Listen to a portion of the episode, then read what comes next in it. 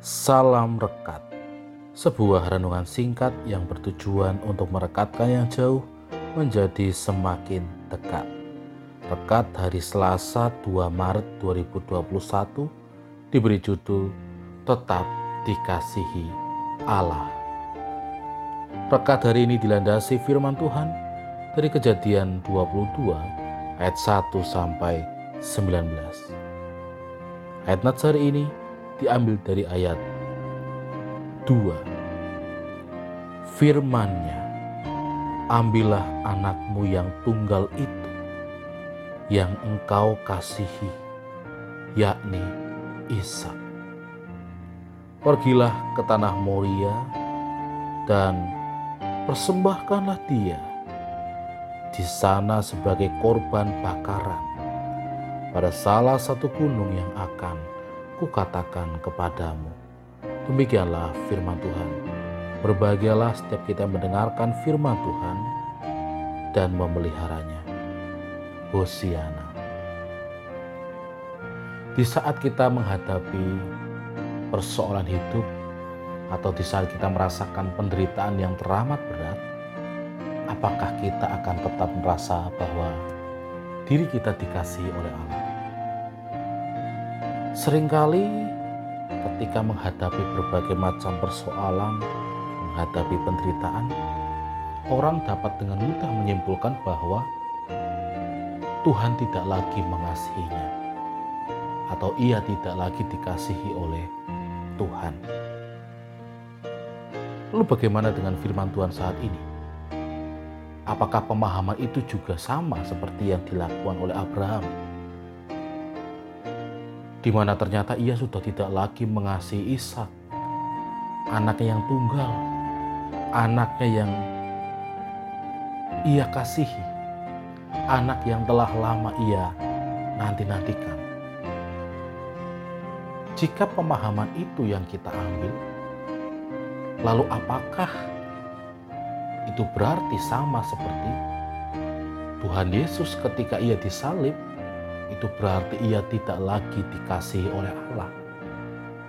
Padahal Tuhan Yesus itu adalah anak yang tunggal. Kepadanya Allah berkenan. Di sinilah sering kali pemahaman keliru terjadi.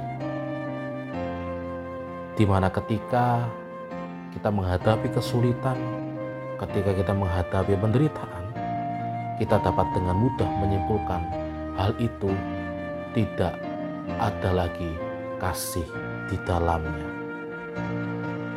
Padahal kesulitan maupun penderitaan itu ternyata bukan sebuah tanda bahwa seorang tidak dikasihi oleh Allah.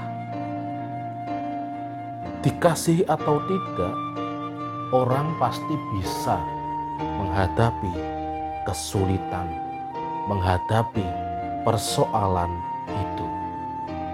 Tetapi yang membedakan dari kedua hal itu adalah sikapnya.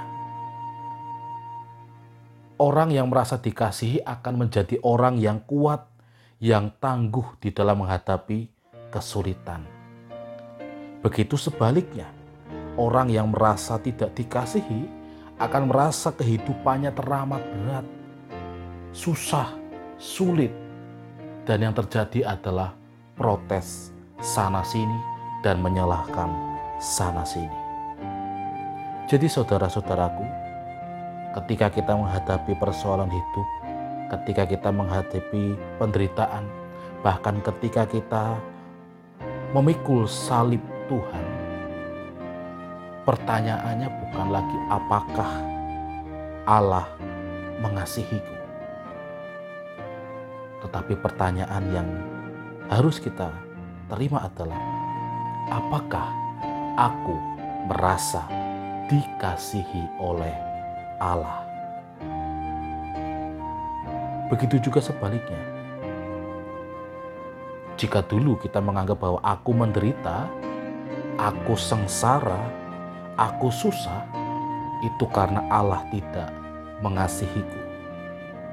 Saat ini kita berubah mengubah pola pikir kita, mengubah mindset kita bahwa ketika Allah mengasihiku, maka aku kuat menanggung penderitaan, kesusahan, dan juga persoalan hidup yang aku alami.